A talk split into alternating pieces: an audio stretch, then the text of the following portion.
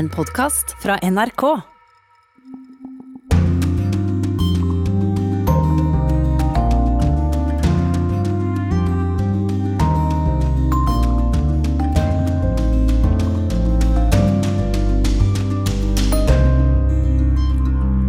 Italienere er vant til stadige regjeringskriser, men med krig i Europa er tidspunktet feil, sier folk på gata i Roma.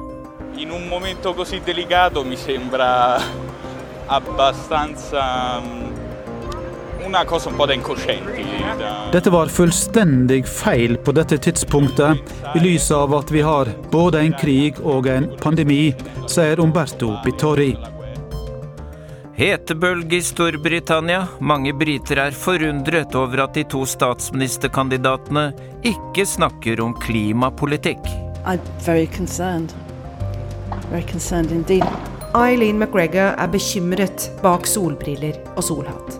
Hun mener det er på tide at lederkandidatene begynner å snakke om klima. Well, they haven't been so far, but they jolly well ought to. They've shown no real grip of the situation. None of them have. I USA er den omstridte strategen og tidligere rådgiveren til Donald Trump, Steve Bannon, funnet skyldig i å ha utvist forakt mot Kongressen. Og De grønne innfører vegetarmat i franske skoler, og det får sinne i kok. Jag skiter i era krav, ropade dock slaktaren och tillkallade politi. Jävla veganer, vilka skitar ni är, skrek en kund till demonstranterna. Là, de véganes de merde. Qu'est-ce qu'ils vous font chier les véganes là Ja, vel møtt til Urix på lørdag, der vi også skal snakke om avskoging i afrikanske land, og det siste om uroen på Sri Lanka. I studio er Dag Bredvei. Først Italia, for nok en gang er det regjeringskrise og usikre tider der. Landets president har oppløst nasjonalforsamlingen etter å ha innvilget statsminister Mario Draghis avskjedssøknad torsdag. Reporter Eivind Molde gir oss en oppdatering på det politiske dramaet som utspiller seg i Italia nå. Come è stato ufficialmente comunicato, ho firmato il decreto di scioglimento delle Camere affinché vengano indette nuove elezioni entro il termine di 70 giorni indicato dalla Costituzione. President Sergio Mattarella i TV-tale torsdag kveld. Jeg har oppløst parlamentet slik at det kan holdes nyvalg innen 70 dager, sa han. Og han avslutta med å konstatere at det er den politiske situasjonen i landet som har ført til denne avgjørelsen. La, situazione politica che si è determinata ha condotto a questa. Så er det altså nok en gang regjeringskrise i Italia. To ganger i løpet av bare ei veke har Mario Draghi søkt om avskil som statsminister.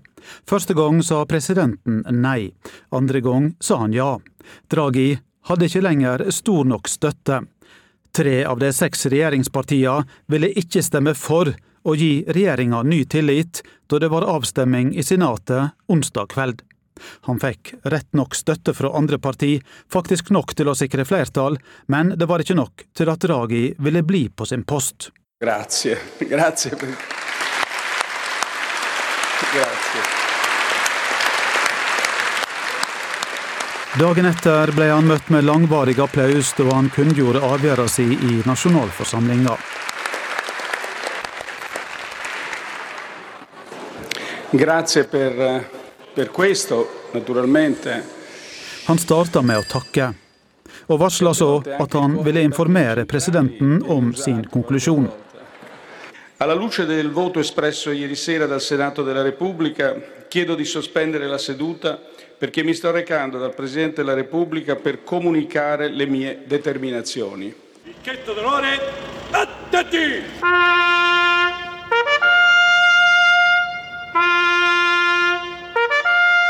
Dermed ble det en ny tur til president Sergio Mattarella. Han aksepterte altså søknaden om avskil og oppløste nasjonalforsamlinga, men ba Draghi sin regjering bli sittende fram til nyvalg 25.9. På gata i Roma er regjeringskrisa på avisforsidene overalt. Pensiamo che non, non, era proprio il momento di creare questa crisi di governo perché è il momento della ripartenza, no, dell'arresto. Quindi Dette er virkelig ikke rette tidspunkt for ei regjeringskrise, sier Antonella Tondo. Dette er tida for å få ting til å fungere igjen, ikke for å stanse opp. In un momento così delicato mi sembra abbastanza Dette var fullstendig feil på dette tidspunktet, i lys av at vi har både en krig og en pandemi, sier Umberto Bittori. Benedetta Pesero bor i Dubai og er tilbake i Italia på ferie. Hun vurderte å returnere permanent, men har droppa det når hun nå ser det som skjer i italiensk politikk. Stavo quasi pensando, beh, ma forse più o meno Ci ho ripensato. Sto qua, finisco le vacanze e torno da dove sono venuta. 74 år gamle Mario Draghi har bakgrunn som sjef for Den europeiske sentralbanken. Siden februar i fjor har han leie ei sekspartiregjering i Italia. Utfordringene har etter hvert blitt mange, ikke minst med ei prisstigning som Italia har fått merke hardt.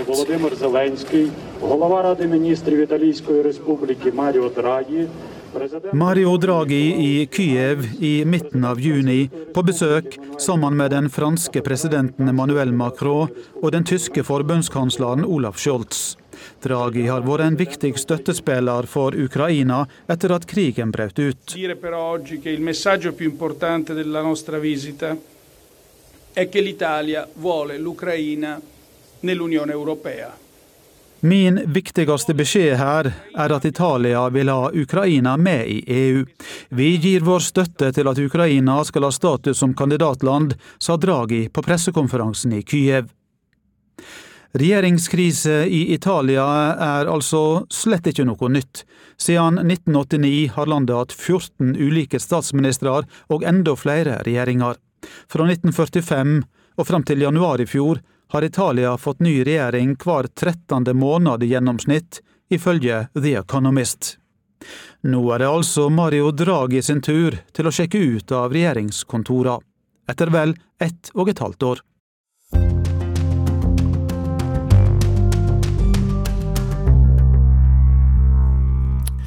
Nå til USA, for den omstridte strategen og tidligere rådgiveren til Donald Trump, Steve Bannon, er funnet skyldig i å ha utvist forakt mot Kongressen.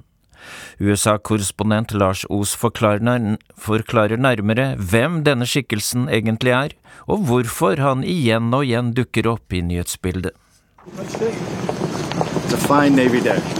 Morgenen i Washington DC har allerede røkket og blitt klam og het idet Steve Bannon ankommer rettslokalene. Det er en fin dag, uttaler han smilende til de oppmøtte fra pressa. Siden mandagen har han kjempa mot ei tiltale som sjelden blir kjørt i rettssystemet, nemlig forakt mot Kongressen. For ikke å stille opp i høringene som skal nøste opp i storminga av Kongressen 6.1 i fjor. Benny Thompson is a total absolute disgrace, and this show trial they're running is a disgrace. Etter flere timer foran dommeren kommer en oppfyrt band ut med sikkerhetsvaktene sine rundt seg og te til mikrofonene. Det her er en skam. Hvorfor skal jeg bli kriminalisert? Spinndoktoren Stephen Kevin Bannon har på nytt blitt en snakkis i hovedstaden. Men hvorfor er han fortsatt i søkelyset? Som ung vokste han opp i et demokratisk hjem i Virginias hovedstad Richmond. Faras var en ivrig tilhenger av John F. Kennedy, men sjøl fant Steve Bannon en kjærlighet i Ronald Reagan. Etter noen år i den amerikanske marinen og stor suksess som avtalefikser i Hollywood, setter angrepet 11.9. i 2001 en støkk i banden. De han frykta, muslimene, hadde angrepet USA. Bannon trakk seg mot Washington DC for å realisere de politiske drømmene sine. Han var en ivrig tilhenger av uortodokse meninger. Eliten, den store fienden, og kineserne, en fare for økonomien og innvandrerne som ødelegger det kristne Amerika. Han ble etter hvert redaktør for Breitbart News, som endra seg til å bli en av de sterkeste møtepunktene for antisemittisme, rasisme og fascistiske stemmer. Men det var ikke før han møtte en eiendomsmogul fra New York i 2015 at han virkelig kunne spenne politiske muskler. To you, the next president of the United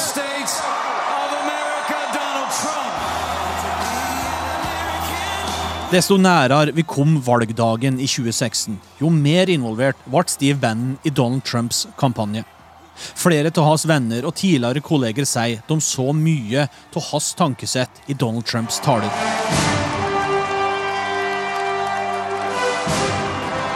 Og etter at Trump vant valget, var mange enig i at fortjenesten den gikk til Bannon. Thank. Much. Bare dager etter innsettelsen skrev Trump under på en presidentordre der han bannlysa muslimer fra sju land i Midtøsten. Den mente mange Bannon sto bak. Total and complete shutdown of Muslims entering the United States. Han høsta òg æra fra høyresida i USA til å være selve arkitekten bak uttrekninga fra Parisavtalen. The United States will withdraw from the Paris Climate Accord. Yeah. You, you're committed to build a wall. You've got to build a wall. Et av oss store hjertebarn var muren mot Mexico. Bannon charged by federal prosecutors with conspiracy to commit wire fraud and money laundering. Han ble arrestert for underslag i 2021. I den ellevte time derimot skulle Bannon bli redda av sin tidligere arbeidsgiver. Rett før sin avgang benåda president Trump Steve Bannon, før han i det hele tatt hadde blitt dømt. Trump won. Joe Biden's illegitimate. Grunnen for at Steve Bannon har vært i rettslokalene denne uka, her, er at han har nekta å møte opp i Kongressens høringer om 6. januar. De mener nemlig at han var en del av storminga. I boka Peril skriver journalist Robert Costa hvordan Bannon, sammen med tidligere New York-ordfører Rudy Giuliani og andre, var med på å koordinere det som ble en av de mørkeste dagene i USAs nyere historie. All hell is going to break loose tomorrow. I'll tell you this. It's not going to happen like you think it's going to happen. Bannon fortalte dagen før at en storm ville slå inn over Washington DC den 6. januar. Og det ville ikke skje slik du tror. Det utsagnet har blitt spilt hundrevis av ganger på TV den siste tida. Hva visste egentlig Steve Bannon? I stand with Trump and the Constitution. And I will never back off that, ever. Fredagen ble han dømt på begge tiltalepunktene for ikke å møte opp og for å ikke dele informasjon. Men advokaten hans ønska å anke saken. Slaget var tapt, men ikke krigen. We may have lost a battle here today, but we're not going to lose this war. Okay? Uansett utfall så kan ingen tvinge Bannon i å forklare seg. Maksimumsstraffen for forakt mot Kongressen er ett år i fengsel og ei saftig bot. Og resten av USA vil kanskje aldri få vite hva som egentlig skjedde den 6. januar 2021.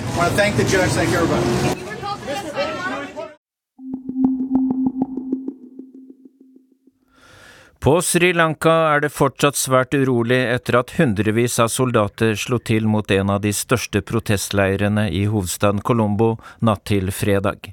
Minst 50 personer ble skadd i sammenstøtene. Sri Lanka er for tiden inne i sin verste økonomiske og politiske krise på flere tiår. Midtøsten-korrespondent Yama Wolasmal, du følger uroen på Sri Lanka fra oss, fra din base i Beirut.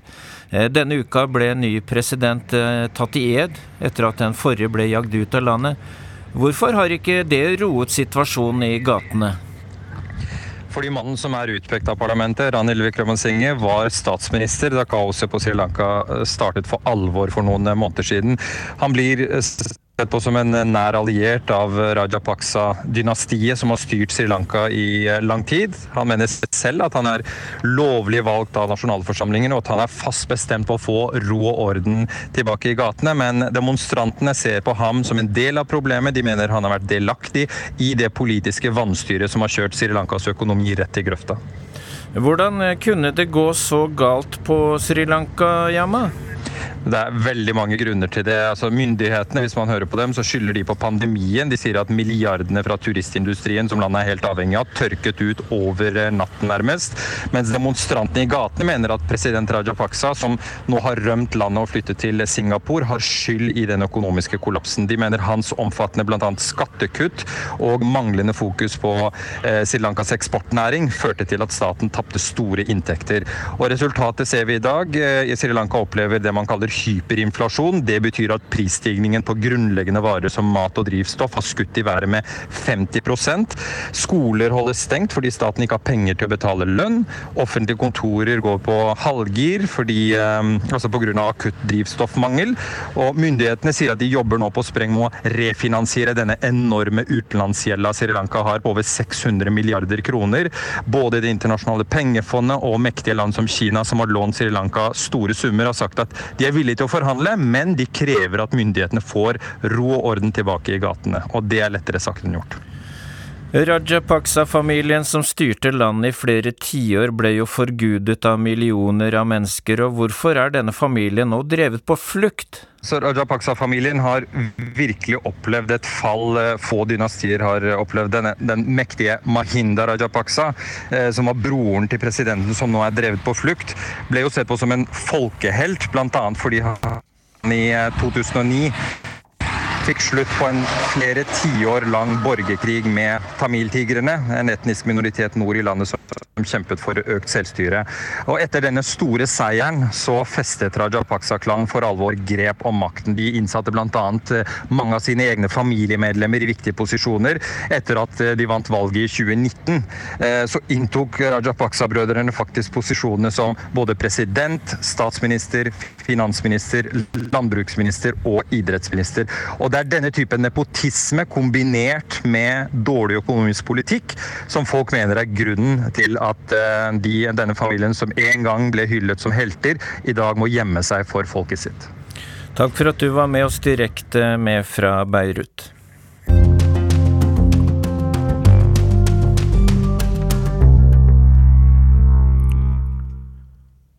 Det har vært hett på mer enn én en måte i Storbritannia denne uka. Statsminister Boris Johnson har takket for seg i parlamentet, og det er nå to kandidater som kjemper om å ta over jobben hans.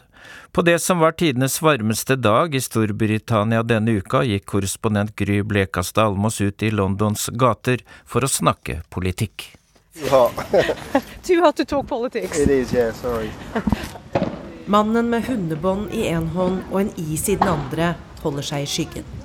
Men på tennisbanene ved siden av er det faktisk noen som orker å bevege seg. Og på plenen har teaterstudenten Victoria Monaham lagt seg rett ut, midt i sola, mens skyggetemperaturen viser 40 grader. Uh, you're too hot for some political questions? I'm just chilling. Hun er ikke opptatt av politikk, men varmen denne uka har fått henne til å tenke mer over spesielt ett politisk tema. Not, like Det snakkes ikke nok om klimaendringene, sier Victoria Monaghan. Hun ligger der i parken fordi kafeen hun har sommerjobb på, ble så varm at den måtte stenge, og hun fikk fri før lunsj. Men det er ikke klimapolitikken som har stått øverst på agendaen til de som nå kjemper om å ta over jobben til Boris Johnson som statsminister og leder av det konservative partiet. Det er skattepolitikken. Risha, you have raised taxes to the highest level in 70 years. That is not going to drive economic growth. There's a cost to these things, the cost of higher inflation, higher mortgage rates, eroded savings. And you know what? This something for nothing economics isn't conservative, uh, it's socialism. Den nylig avgåtte finansministeren Rishi Sunak kaller partifelle og utenriksminister Liz Truss en sosialist. Det er neppe en hedersbetegnelse i det konservative partiet. Valgkampen gjennom sommeren ligger an til å bli brutal, og selv om de er enige om å kutte skattene, vil Sunak først få kontroll på inflasjonen. Den er på 9,4% viste det seg denne uka, den verste på 40 år. Truss mener derimot skattene må ned med en gang for å stimulere til økonomisk vekst. Selv i rekordvarme er det altså ikke klimaendringene de snakker om.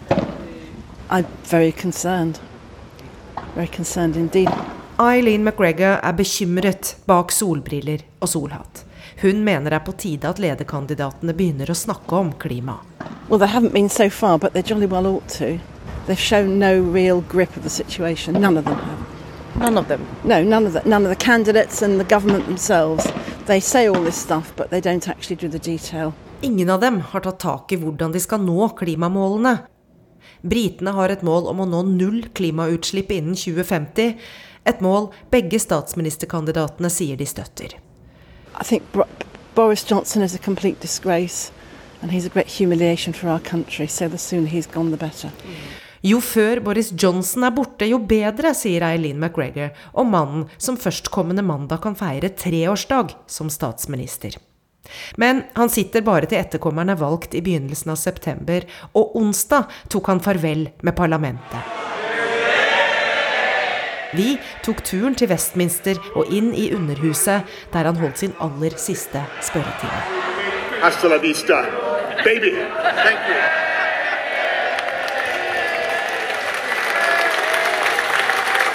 Hasta la vista baby ble hans uh, siste ord i parlamentet som statsminister idet han går ut herfra nå til stående applaus fra egne rekker. Uh, det er derimot ikke noe uh, applaus eller jubel å spore i opposisjonens rekker i det hele tatt.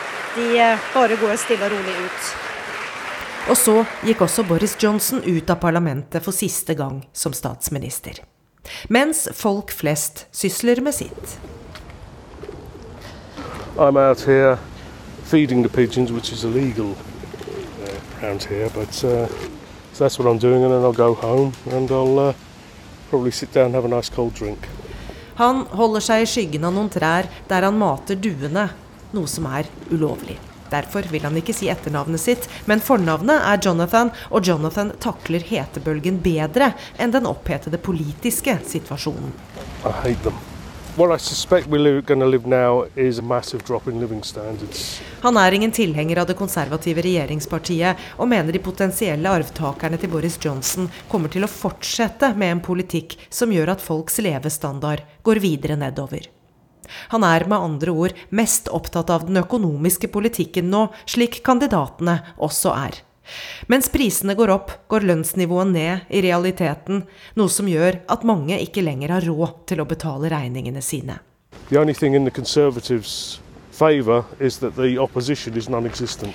Det eneste som taler til det konservative partiets fordel, er at opposisjonen er ikke-eksisterende, mener Jonathan. Nå fortsetter kampen om statsministerjobben, i det som ligger an til å bli en het britisk sommer osv. Noe Eileen McGregor takler på sedvanlig britisk 'keep calm and carry on'-vis. Hot, but okay, thank you. Yes. Nå til en debatt om skolemat i Frankrike. I Grenoble har borgermesteren fra De Grønne innført vegetarmat alle dager på skolene i byen. Andre steder i landet vekker lignende forslag voldsomt raseri. Johan Tolgert har sendt oss denne reportasjen. Nous devons réduire drastiquement notre consommation de viande. Ce qui est problématique aujourd'hui, euh, c'est de continuer à manger de la viande industrielle. Vi måste bli bättre och drastiskt dra ner på vårt köttätande. Det är ett stort hälsoproblem när barn äter kött av industriellt uppfödda djur. Det säger Erik Pjöll till Urix, han är borgmästare för De gröna i östfranska byn Grenoble. Erik Pjoll tänker på att industriella transfetter bör undvikas då dessa har kopplats till bland annat hjärt och kärlsjukdomar. Donc c'est ça le virage qu'il faut faire. Tout à fait. En fransk skolmåltid består av hela fyra rätter. Entré, huvudrätt, efterrätt och frukt. Från och med i höst ska alla skoldagar i Grenoble bli köttfria och det orsakar hård debatt i landet. Det gångna läsåret serverades vegetarisk mat en gång i veckan där. Alpbyn har 120 000 invånare. Den vegetariska skolmenyn består av grönsaker, ägg och mjölkprodukter samt frukt. Utanför en skola i Grenoble stöter jag på pappa Clay. C'est une bonne idée. Ah, une bonne idée, vous ouais, D'après moi. Ok. Ça concerne la santé. Il est végétarien en fait. À lui, il aime, il aime tellement la viande. Pappan tror det blir bra med vegetarisk skolmat. Problemet är bara att min son älskar kött, säger han. Ja, jag håller inte med dig pappa och det vet du, inflikar åttaårige sönnen Marlon. Det är kött gutten vill äta i skolmatsalen. Je suis pas du tout ton avis, papa. Ah, ça je sais. Det er så himla godt med kykling, sier gutten og slikker seg om munnen. Den vegetariske skolmatdebatten får store rubriker i medierna trots kriget i Ukraina, økende priser på mat, coronakrisen og värmeböljan. Intresset for vegetarisk mat beror på att allt fler slutar äta djur i Frankrike. Men vegetarianer og veganer har også fiender. Særskilt efter det mange många går til attack mot slaktares butikker. Så här lät det nyligen framfor en slaktare i det centrala Paris. I armene bar en vegan en død kalv insvept som en baby i en filt. Djur har rett att leva, sa hun til nyhetsbyrån AFP. Tårene rann efter hennes kinder. Jeg skiter i era krav, ropade dock slaktaren og tilkallade politi. Jævla veganer, vilka skitar ni er, skrek en kund til demonstrantene. Là, de véganes de merde. Qu'est-ce qu'ils Hein Även om köttkonsumtionen minskar i Frankrike åt man 85 kilo kött per capita år 2020 enligt statistiska uppgifter. Det är mer än i Norge där man samma år åt mindre än 52 kilo kött per capita. I Frankrikes tredje största stad, Lyon, totalförbjöd stadens gröne borgmästare kött i skolmatsalarna förra året. Men Många köttbönder demonstrerade mot beslutet. På sina traktorer tog de med getter, grisar och kor in till byns borgmästeri i protest mot den vegetariska skolmaten. Oppositionspolitiker skänkte i sin tur en rå hamburgare som barnen fick ta med hem och äta om kvällen. Stoppa inte kött i skolmatsalarna, krävde politikerna. Pas touche aux viandes de la cantine scolaire. Efter omfattande protester fick Lyons borgmästare böja sig för opinionen och nu serveras åter kött och fisk tre dagar i veckan. Men i alpbyn Grenoble tror borgmästaren Erik Pjoll att han ska klara av vegetarisk skolmeny alla dagar i veckan utan att behöva ge vika. Ben là, l'alternative végétarienne en septembre, à partir de septembre, on pourra faire du 100% végétarien euh, tous les jours. euh, tous les jours voilà.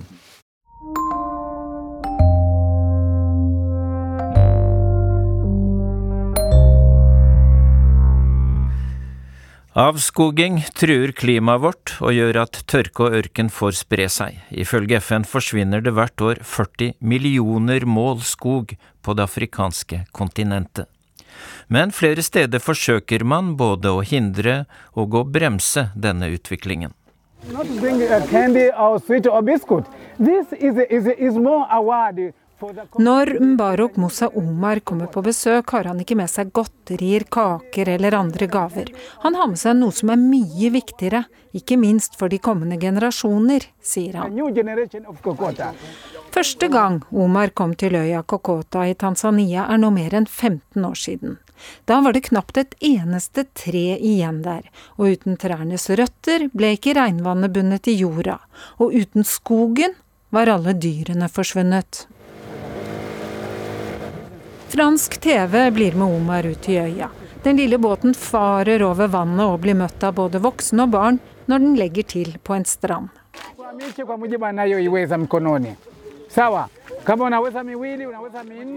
Ta trærne ut, så skal vi plante dem, sier Omar, og forklarer at de trenger litt avstand. Den frivillige organisasjonen Omar har startet, gjør en innsats mange jobber med i flere afrikanske land, og det trengs. Ørkenen vokser, og i mange land er avskoging et stort problem.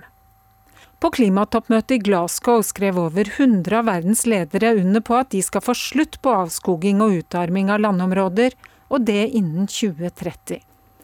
Møtet ble avsluttet med en soleklar advarsel fra FNs generalsekretær Antonio Guterres. Enough. Enough of killing ourselves with carbon. Enough of treating nature like a toilet. Enough of burning and drilling and mining our way deeper. We are digging our own graves. Vi bruker jordkloden som søppelbøtte og graver vår egen grav, sa Guterres. Det er planlagt å bruke drøyt 100 milliarder kroner i offentlige midler for å beskytte og gjenoppbygge skog, i tillegg 60 milliarder kroner i private investeringer. Kongo er et av landene som også har underskrevet, og i dette enorme landet finner vi store urskoger, men mye av dem forsvinner. I Kongobassenget lagres 8% av alt karbonet som er lagret i hele verdens skoger, det viser tall fra det norske miljødirektoratet. Og ifølge FN så hugges det nå ned fire millioner hektar, eller 40 millioner mål skog hvert år i Afrika. Ulovlig hogst, produksjon av trekull, mineralutvinning, plantasjer og et industrielt landbruk er noe av årsakene. I Sør-Kivu, øst i Kongo, har man mistet 12% av skogen de siste 20 årene.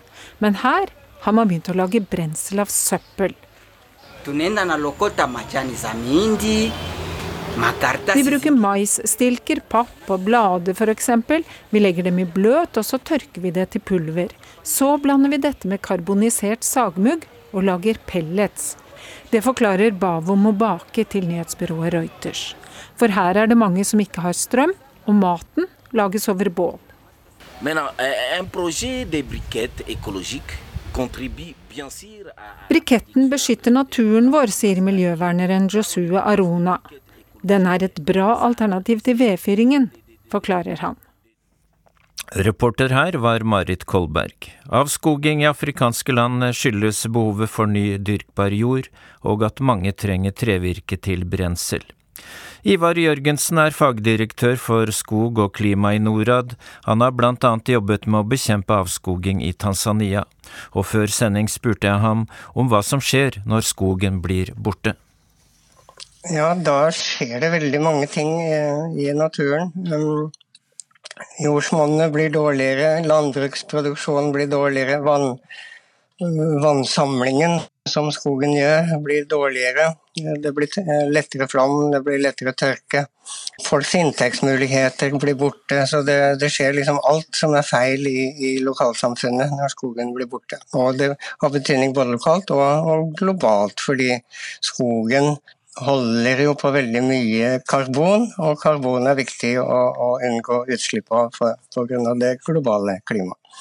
Eh, hvordan vil du si utviklingen er på dette feltet i Afrika nå? Det er ganske dårlig. Det forsvinner, som det ble sagt i innslaget her, fire millioner hektar hvert år. Politikken i de landene som har problemer med avskoging, er ofte ikke tilstrekkelig, og gjennomføringen er ofte ikke tilstrekkelig, slik at man klarer ikke å kontrollere den avskogingen som skjer. I hvilke land er problemene størst? aller mest forsvinner i land som Sudan, Zambia, Tanzania, Nigeria, eh, Kongo. Eh, hvilke tiltak mener du har eh, størst effekt? Jeg tror det som har størst effekt, er å ha god dialog med de som, som bor i området. Sikre at de har gode landrettigheter. De som har kontroll på sitt eget areal de har også en bedre tilstand på dette arealet. Det, det neste er selvfølgelig eh, politikk. Politikk eh, på nasjonalt nivå får stor, stor, betydning. Brasil er et eksempel hvor det gikk veldig bra. og, og en ny president og ny, ny ledelse gjorde at, hvert, gjorde at det gikk plutselig veldig mye eh, dårligere med å passe på skogen. Litt av det samme hadde vi i Tanzania. Eh, at fokuset forsvant. Eh, andre ting kom øverst på agendaen, eh, og vi, vi syns ikke vi fikk det ut av det som vi hadde håpet på til å begynne med, når vi satte i gang arbeidet med å bidra til at skogen ikke skulle forsvinne så fort. Ikke alle prosjekter har vært vellykket, og hva er det som ikke virker i tillegg til det med politikeres prioriteringer? Vi har litt for mange eksempler på at store kampanjer hvor man planter millioner av trær, eh, ikke er godt nok planlagt. Eh, man har liksom ikke gått løs på årsakene til at skogen forsvant.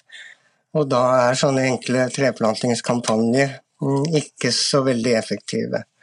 Dette med å satse på mange småprosjekter, det det er på en måte nødvendig, det er viktig. Men det er ikke tilstrekkelig til å få en endring på, på et høyere nivå. Da. Så vi er veldig opptatt av at man skal få endring på politikk, endring på institusjoner, endring på kunnskapsnivået i de landene som har problemer med avskoging. Eh, da kan på en måte disse småprosjektene, som vi bl.a. hørte om eh, tidligere i innslaget her, da, eh, få en mye bedre effekt. Hvis ikke så kan de bli bare en, en, liten, en liten, flekk hvor, hvor, det ser fint ut, men det store bildet viser at det fortsatt går tilbake med skogen. Og det sa Ivar Jørgensen i Norad. Nå til vår sommerserie.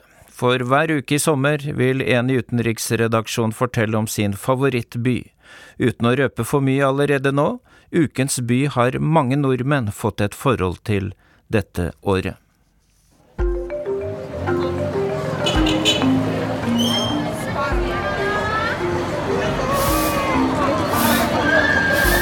Det er noe nesten vulgært å se utover de enorme boligområdene øst i byen.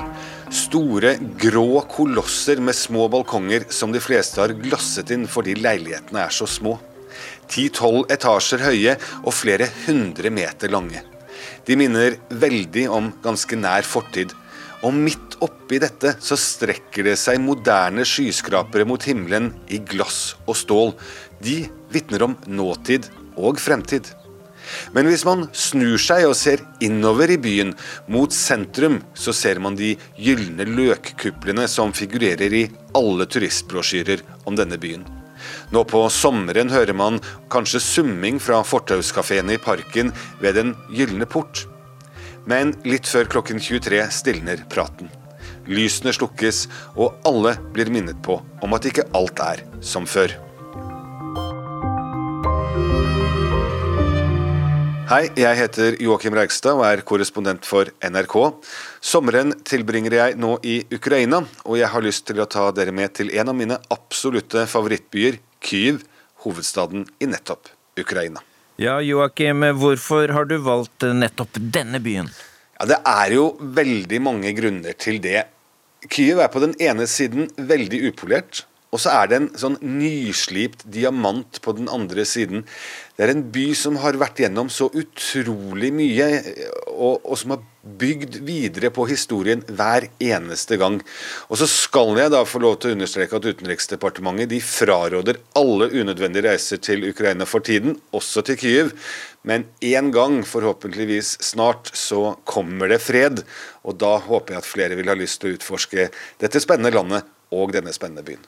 Ja, det er sikkert mange nordmenn som har lyst til å dra dit eh, etter at freden kommer en gang i framtiden. Mange lurer nok eh, på hvordan det er å være der i dag, og hvordan har eh, folk i Kiev nå?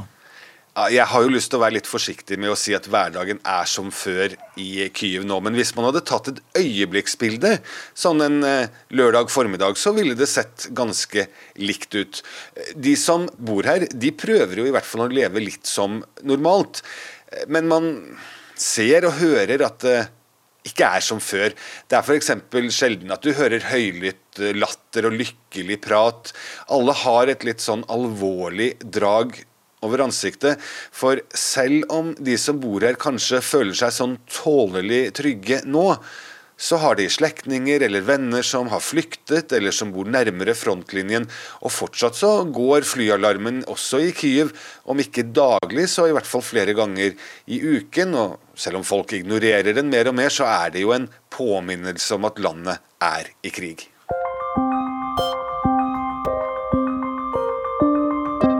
Har du et eh, favorittsted i den ukrainske hovedstaden? Altså For ganske få år siden så åpnet eh, byens eh, borgermester en, en, glassbro som er spektakulær. Du kan stå der og se så fint utover eh, Dnipro, altså elven. Og det var akkurat derifra jeg hadde åpningsbeskrivelsen. Det er her du kan stå og se ut mot uh, mot de østlige delene av byen og se hvordan øst møter vest, hvordan gammel møter nytt. Det er et veldig flott sted å gå. Så er det sånne små eh, pop-up uh, kafébarer og iskiosker som man kan gå og kjøpe seg noe å drikke hvis man, hvis man vil uh, langs, langs, denne spaserturen, før man kommer da bort, til, bort til Kunstnernes gate, hvor mange lokale kunstnere stiller ut litt kunst de har laget. Og da er man med en gang på Andriskis nedstigning, der alle kafeene og restaurantene som er litt sånn spesielle i Kyiv, ligger. Og da kan jeg jo nevne et uh, litt spesielt sted som Og nå skal jeg prøve å ta dette her på ukrainsk. Sa dvo ma zaydzy ami. Det ble ikke helt perfekt, men det er et litt vanskelig uttrykk. Det betyr for to forlovede. Man trenger ikke å være forlovet for å gå dit. Det er et veldig spesielt sted. Ligger akkurat der denne gaten som jeg beskrev, eh, spaserturen, eh, ender. Og Her er det plysjmøbler inne. Det er eh, rosa og blått i skjønn forening, og så har de toalett i gull. Og da føler man seg som en liten konge. Har du noen eh, hemmeligheter som er eh, morsomme å vite om når det gjelder Kyiv? Ja, vet du det, Dag? Det er, eh, det er, et kjempefint område som nesten er som å komme til det flotteste sted i, i Syden. Altså i Spania eller i Kroatia eller Italia. Eh, som ligger litt sånn gjemt bort, eh, midt ute på en øy i, i Dnipro som heter Hydropark. De kaller det Hydroparken, altså Vannparken. Og her er det sandstrender, eh, og det er bademuligheter. Det er eh, strandklubber med basseng og, og skikkelig skikkelig hyggelig stemning på, på, sommeren. Og så kan man ligge eller sitte på stranden og så kan man se solen gå ned over, over eh, landsmoderstatuen som hviler på en høyde over, eh, over byen. og det er eh, det er veldig sterkt faktisk nesten å, å sitte der, særlig, særlig, nå eh, under okkupasjonen. Vi, vi, vi, gikk oss en liten tur en dag det var litt roligere. Og det å se utover eh, Dnipro og se solen gå ned over den statuen, det er, eh, det er sterkt. Du, du er jo blitt spurt om å finne en sang som sier noe om landet og byen, og da trakk du frem denne låta. La oss høre litt. Hello everybody. my name is Verka Serduchka. Me English Nick Firstein. Let's speak dance.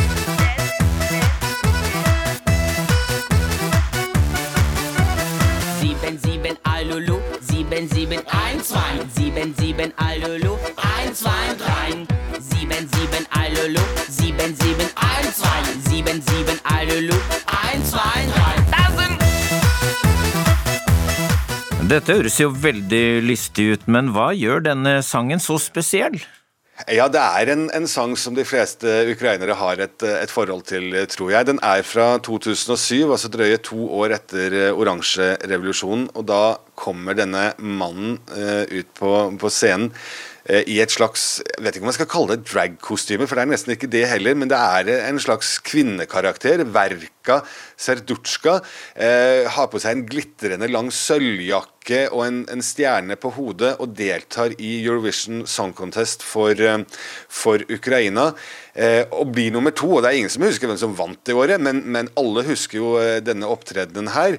Eh, men det som er interessant, og det som gjør at denne sangen også har blitt litt viktig nå etter invasjonen av eh, Ukraina i februar, det er hvis du hører litt godt etter på sangtekstene. Det går på tysk og engelsk og ukrainsk og litt russisk innimellom her også, så det er, det er veldig mye sammensatt.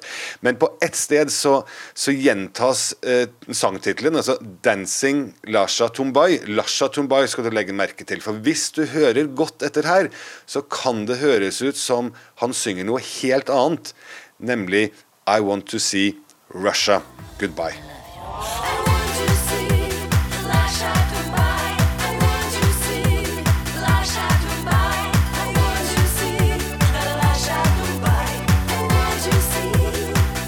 Ja, Lasha Tumbai, det er det jo heller ingenting som heter på ukrainsk.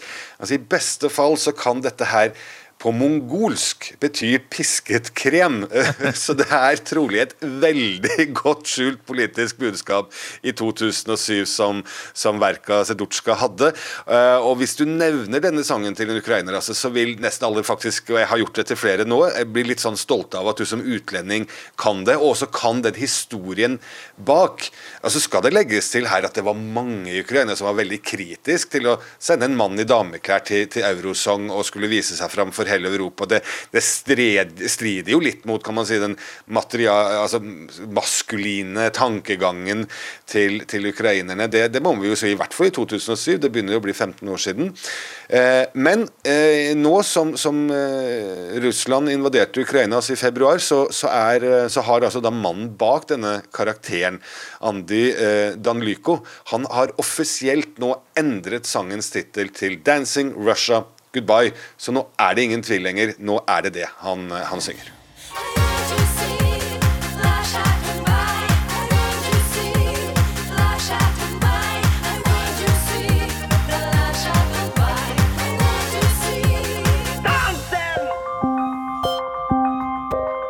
Eh, Joakim Reigstad, du har vært i Kyiv mange ganger, både på jobb for NRK, men ikke minst privat. og Hvordan eh, ble du kjent med byen?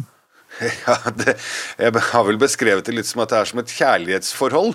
Altså Det første stevnemøtet det er kanskje ikke perfekt, men eh, så får man tent en liten gnist da, som gjør at du har lyst til å møtes igjen. Um, og Jeg var der første gangen i 2009 og bodde på hotell Slavotic. Det er for øvrig opp oppkalt etter byen som mange innbyggere ble evakuert til etter katastrofen i Tsjernobyl. Altså de som bodde i Pripyat i 1986, de ble evakuert til en by som, som heter Slavutic.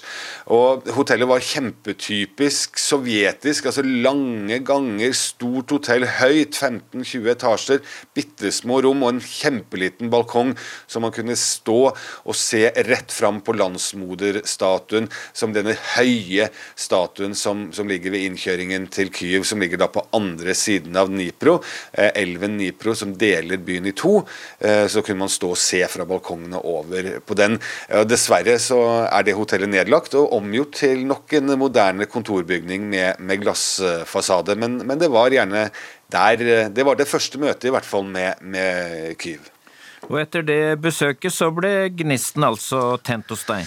Ja, eh, på mange måter. Eh, det interessante har jo egentlig vært å følge den utviklingen som, som byen har gjennomgått på, på, veldig kort tid. Altså I 2009 så var det fortsatt bare eh, drøye fire år siden oransjerevolusjonen, for de som husker den, hvor, hvor folket sto opp med protester og beskyldninger om juks i presidentvalget høsten 2004. Eh, og Det endte jo med en tredje valgomgang den gangen som gjorde at eh, Viktor Jutsjenko ble president. Og da, I hans presidentperiode så fikk jo Ukraina f.eks. sammen med Polen da, arrangere EM i fotball. EM-finalen i 2012 ble holdt i Kyiv. Eh, de fikk bygd en ny flyplass, og, og jeg husker jo veldig godt da jeg kom tilbake i 2012, så, så framsto byen så veldig mye mer lys. Eh, det var det jeg husker jeg tenkte at det, det har kommet så veldig mange flere lys her. Og, og så går det to år. 2014, og så er det et beksvart mørke over byen igjen. Så selv om Euromaidan, som vi husker den revolusjonen da, hadde avsatt en russiskvennlig president, så var byen preget av de dramatiske dagene eh, som hadde skjedd i, mellom 2013 og 2014. Og, og, på Hotell Ukraina, som er dette store hotellet som troner på en høyde over Maidanplassen, uavhengighetsplassen, altså hvor alle disse eh, opptøyene og, og, protestene var, så, så, så man fortsatt, eh, da jeg var der i 2014 på sommeren, kulehull i veggene, veisperringer, kontrollpunkter i byene. Eh, og så var det litt fint igjen å være der i 2015 og si at det meste var tilbake til det normale. Optimismen eh, blomstret, og, og det dukket opp nye restauranter, og gjerne med et litt sånn utenlandsk preg. altså Sushirestauranter, pizza, hamburgere. altså til, til, og med indiske og meksikanske restauranter finner du i, i Kyiv nå som har, har, dukket opp i denne perioden her, hvor, hvor byen framstår kanskje enda mer åpen og vennlig for, for besøkende enn det den gjorde i, i 2009. da.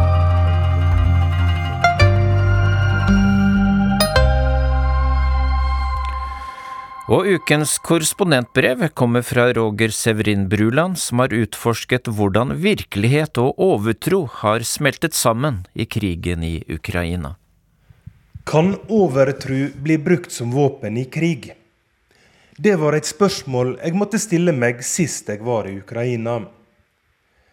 Vi har alle lest om konge Arthurs trollmann Merlin og den mystiske Rasputin i Kreml.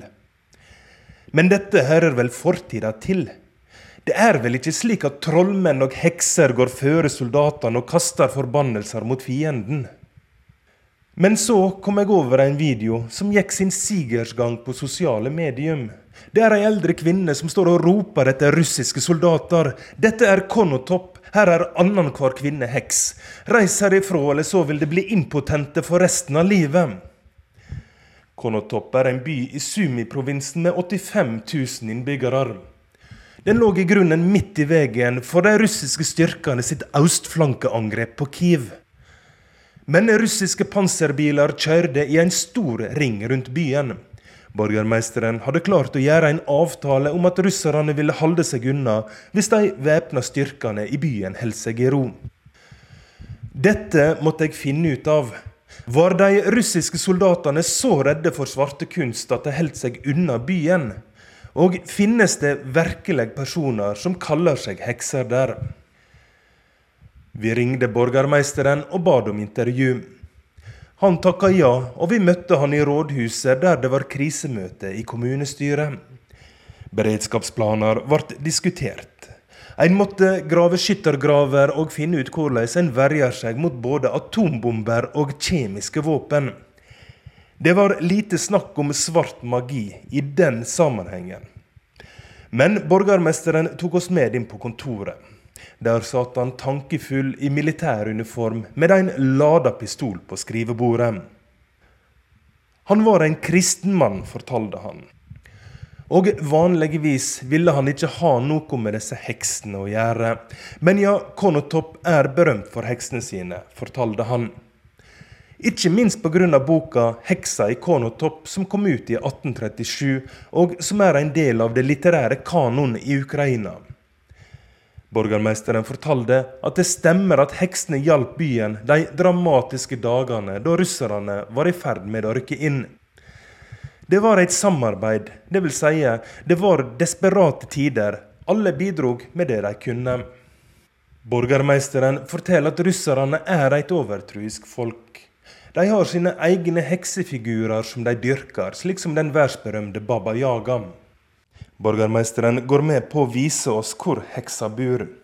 Men vi må love å ikke røpe at det var han som avslørte adressen.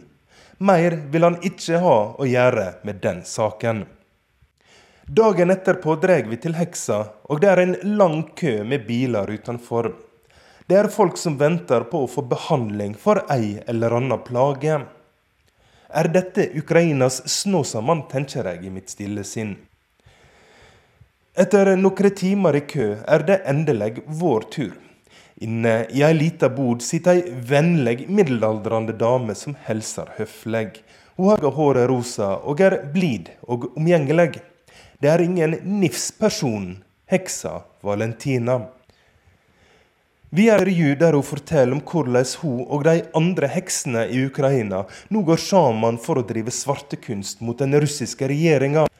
Hun forteller hun vanligvis er et fredelig menneske som vil spreie det gode. Men nå er det krig. Hun vil heller ikke prate så mye om hva slags ritualer i svarteboka hun nytter, men heller snakke om alle de ukrainske soldatene hun har rettleia. Før vi går, må vi love at vi ikke viser bildet av andletet hennes. Som mange ukrainere står også hun på ei dødsliste. Det er litt utrolig å tenke på at hekser blir regna som militære mål i land. Noe Sinne har lært om Russland under den kalde krigen, handler jo om at de var kommunister som mente at religion er opium for folket. I 1994 kom Henrik Kissinger med boka 'Diplomati', som endra litt på det synet. Kissinger er kjent som den kontroversielle utenriksministeren under Richard Nixon. Det kanskje færre veit, er at han er en høyt respektert historiker. I boka skriver Kissinger at forskjellen på Europa og Russland er at i Vest-Europa handler alt om kontrakter og avtaler, og i Russland handler alt om religion. At Russland siden tsarens tid har hatt et messiaskompleks de er på et oppdrag fra Gud for å frigjøre alle slaviske folk, enten de vil det eller ikke.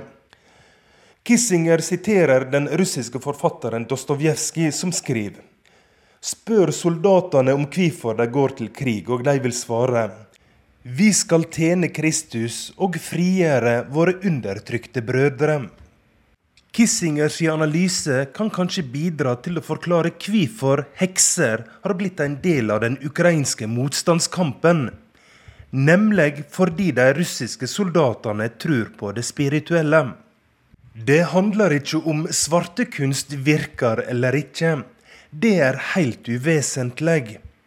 Men det blir et mektig våpen likevel, hvis noen tror på det. Det er nå det samme med helsekost og alternativmesser. Pengene en tjener på dette, er ekte uansett om kuren virker eller ikke. Jeg skal ikke uttale meg bastant enten i den ene eller andre retninga når det gjelder evnene til Valentina i Konotopp. Men det var ei hyggelig dame som kommer fra en eldgammel tradisjon. Og så er det litt rart å spasere rundt i Konotopp, der bare noen få hus er skada. Kontrasten er stor til flere nabobyer i området som er bomba sønder og sammen. Var det pga. frykt for heksa? Ja, svar på det spørsmålet får vi nok aldri. Denne ukens Urix på lørdag er slutt. Teknisk ansvarlig Bobo Bjørnskjold, produsent Bård Søre Olsen og jeg, Dag Bredvei, takker for følget og ønsker dere en fortsatt god helg.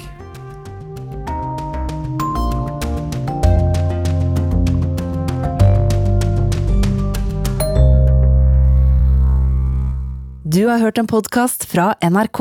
Hør flere podkaster og din NRK-kanal i appen NRK Radio.